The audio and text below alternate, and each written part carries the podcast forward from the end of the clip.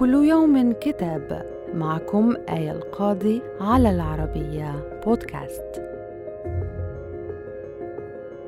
كتابنا اليوم بعنوان البرلمان وحقوق الإنسان مرجعيات وممارسات للباحث المغربي عبد الرزاق الحنوشي.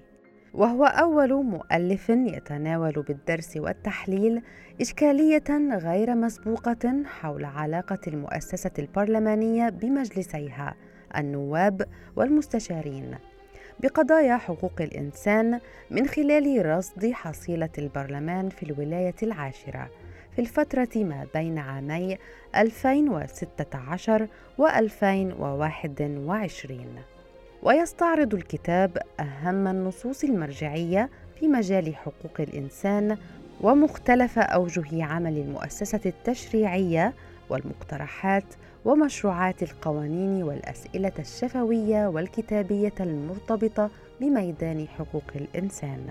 كما يتطرق إلى بعض القضايا الطارئة. وفي مقدمتها انعكاسات جائحة فيروس كوفيد 19 المستجد على الحياة البرلمانية.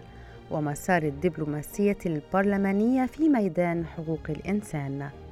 ويتوقف المؤلف في هذا السياق عند عدد من المبادرات البرلمانية المتخذة، ومنها تلك المرتبطة بعلاقات مع الجمعية البرلمانية لمجلس أوروبا الذي يحتل فيه المغرب وضعية الشريك من أجل الديمقراطية. أو تلك المتعلقة بالمشاركة في أكبر التظاهرات التي احتضنتها المملكة المغربية كالمنتدى العالمي لحقوق الإنسان في العام 2014 أو المؤتمر الثاني والعشرين للأطراف في اتفاقية الإطار للأمم المتحدة حول التغيرات المناخية كوب 22 وإلى اللقاء مع كتاب جديد.